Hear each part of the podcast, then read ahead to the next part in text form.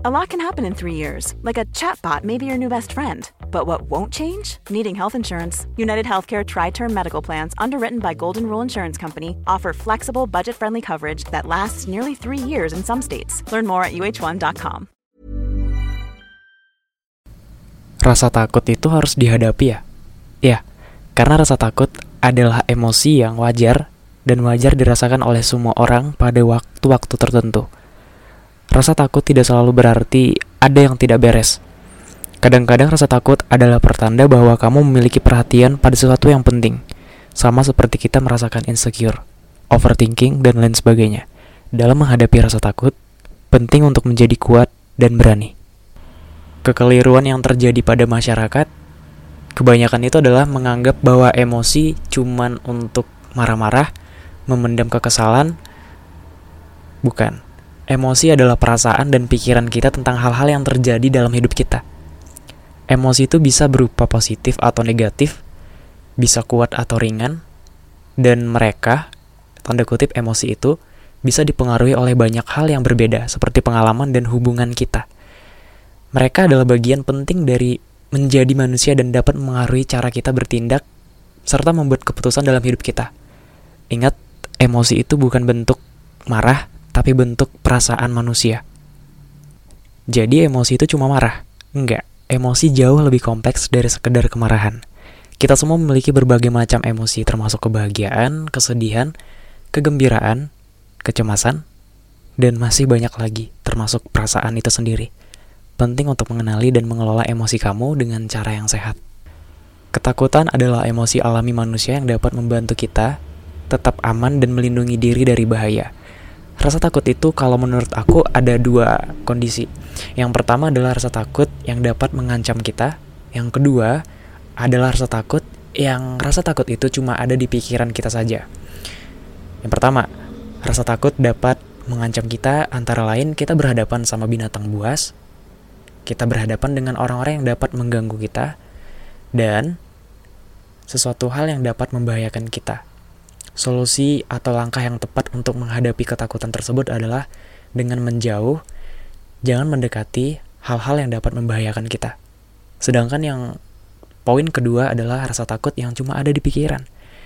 Mungkin kamu, aku, dan kita semua pernah merasakan insecure, pernah merasakan perasaan was-was, perasaan cemas berlebih, perasaan yang campur aduk overthinking, bahkan kita sering menganggap diri kita adalah people pleaser.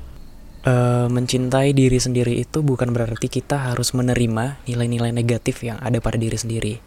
Contohnya kita merasakan insecure yang berlebih, kita merasakan overthinking setiap hari. Kita menjadi people pleaser, itu kan hal-hal yang negatif yang seharusnya dibuang. Cuma manusia ini juga perlu um, adanya rasa insecure, adanya rasa overthinking untuk hal yang jelas. Contohnya kita insecure karena bentuk tubuh kita. Jadi ini tuh sebagai motivasi. Kita overthinking tentang masa depan. Ya jadi ini tuh sebagai uh, dalam diri kita harus ada ruang untuk percaya bahwa esok itu bukan kita yang kendaliin, tapi siapa? Itu Tuhan. Kita boleh bermimpi, kita boleh bercita-cita, kita boleh berangan-angan besok itu kita seperti apa tapi diingat kita nggak bisa mener kita nggak bisa menebak besok itu seperti apa. Apakah besok kita bisa hidup apa enggak itu kita nggak ada yang tahu. Cuma Tuhan yang genggam itu semua. Jadi kita boleh berangan-angan boleh bermimpi uh, besok itu seperti apa. Tapi berikan ruang sedikit di dalam hidup kita bahwa besok adalah Tuhan yang menentukan. Kalaupun sesuatu terjadi tidak sesuai dengan apa yang kita rencanakan, anggaplah bahwa itu adalah hal yang terbaik dari apa yang kita rencanakan. Rasa takut itu kan seperti apa yang terjadi pada kita, sesuatu hal yang berhadapan dengan kita itu bakal mengganggu kita, ya kan? Dan rasa takut itu juga terjadi sama aku. Sama apa yang kamu dengerin saat ini. Aku, Juna aku takut banget ngobrol sama seseorang setakut itu bahkan ketika orang itu datang ngedeketin aku aku berpikir bahwa orang ini jangan nanya-nanyain tentang aku. Orang ini jangan jadi wartawan dalam hidup aku. Aku paling gak suka ditanyain. Aku paling gak suka ngobrol panjang lebar. Jangan, aku bahkan sampai kadang panas dingin ketika ada orang yang pertama kali ngajak ngobrol. Eh namanya siapa? Aku udah nembak banget itu. Dan aku bakal wanti-wanti kalau ketemu sama seseorang. Itu rasa takut itu berjalan sampai lama banget. Dan sekarang aku berhasil untuk menghadapinya. Rasa takut tadi berhasil untuk aku taklukkan. Aku hebat, aku keren, aku mencintai diri aku sendiri. Karena apa? Meskipun dalam diri aku masih ada rasa takut untuk berhadapan dengan seseorang, untuk ngobrol dengan seseorang, tapi aku yakin aku bisa mengalahkan rasa takut tadi. Karena aku ingat, ketika rasa takut menguasai diri aku, aku bakal takut untuk melakukan sesuatu sekecil apa pun itu.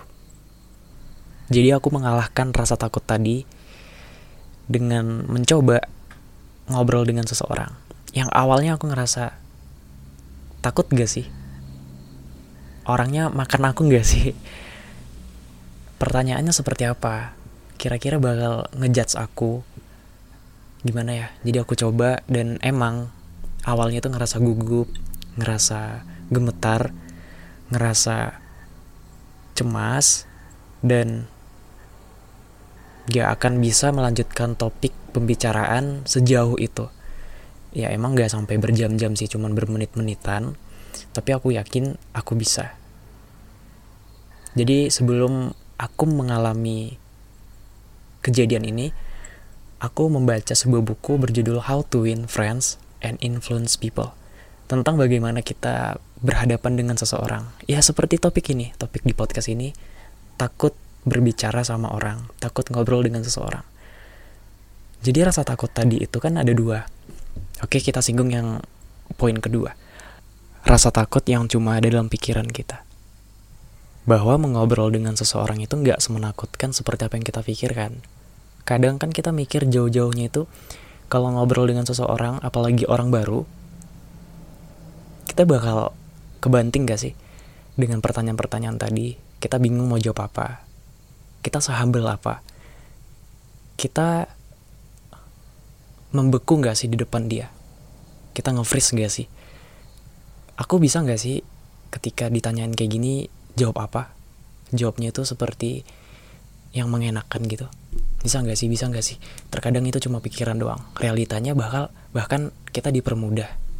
Seperti kita overthinking kadang kita mikirnya jauh hari besok kira-kira gimana ya? Besok gimana ya? Padahal yang terjadi itu jauh lebih mengejutkan bahkan hal yang terjadi tadi itu cuman mengajarkan kita bahwa yang nggak semenakutkan itu percaya deh.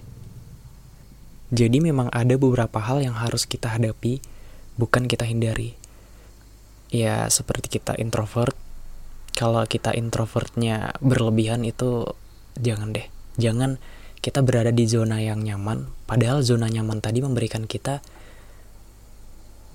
kecanduan terhadap zona tersebut yang berakibat kita susah untuk bersosialisasi. Kita penting untuk bersosialisasi. Jangan gara-gara kita introvert kita ngerasa diri kita people pleaser kita takut untuk minta tolong. Nah ini yang paling banyak kita rasakan. Kita susah banget untuk minta tolong untuk bilang sorry ya aku nggak bisa. Untuk bilang makasih dan untuk menceritakan hal-hal kecil yang nggak enak yang kita rasakan paling banyak terjadi di kehidupan kita.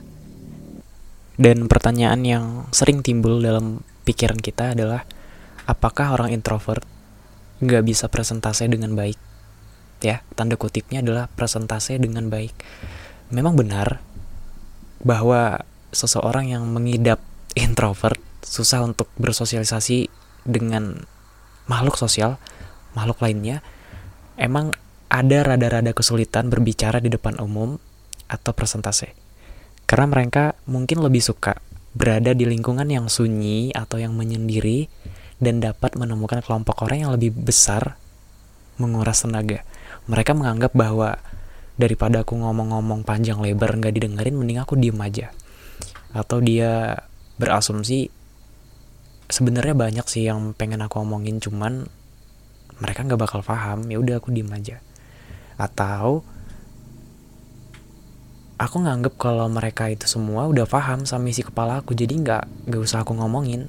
Udah diem aja. Mungkin diem adalah emas. Ya salah satu cara introvert mempersiapkan presentasi atau ketika giliran dia untuk berbicara di depan umum adalah dengan fokus sama apa yang dia bawakan. Jangan berpikir bahwa aku harus bisa seperti seorang yang ekstrovert. Seseorang yang bisa menjelaskan sesuatu dengan jelas dengan ringkas, dengan tepat. Salah. Bukan berarti orang introvert itu adalah orang yang bodoh banget, orang yang salah, orang yang Kenapa sih kamu introvert? Kamu harus ekstrovert, bukan.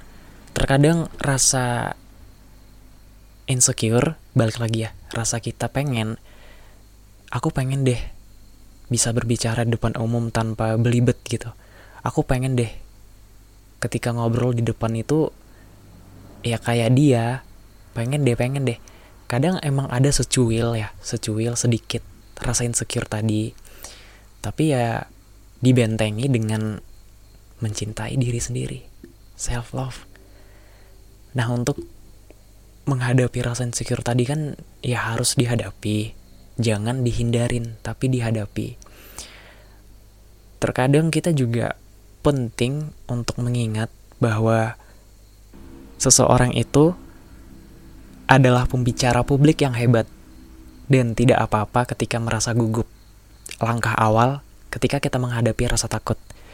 Jangan berpikir ketika kita merasakan gugup pertama kali itu adalah sebuah hal yang memalukan. Salah.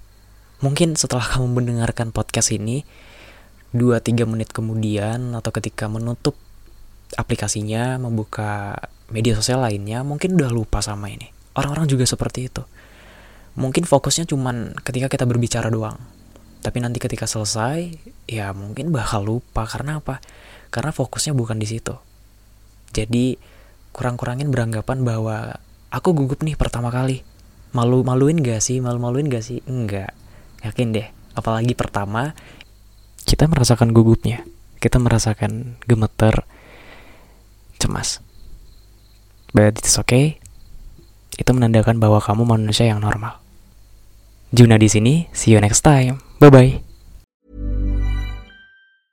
Hey, it's Paige DeSorbo from Giggly Squad. High quality fashion without the price tag. Say hello to Quince. I'm snagging high-end essentials like cozy cashmere sweaters, sleek leather jackets, fine jewelry, and so much more. With Quince being 50 to 80% less than similar brands. And they partner with factories that prioritize safe ethical and responsible manufacturing. I love that. Luxury quality within reach. Go to quince.com slash style to get free shipping and 365 day returns on your next order. quince.com slash style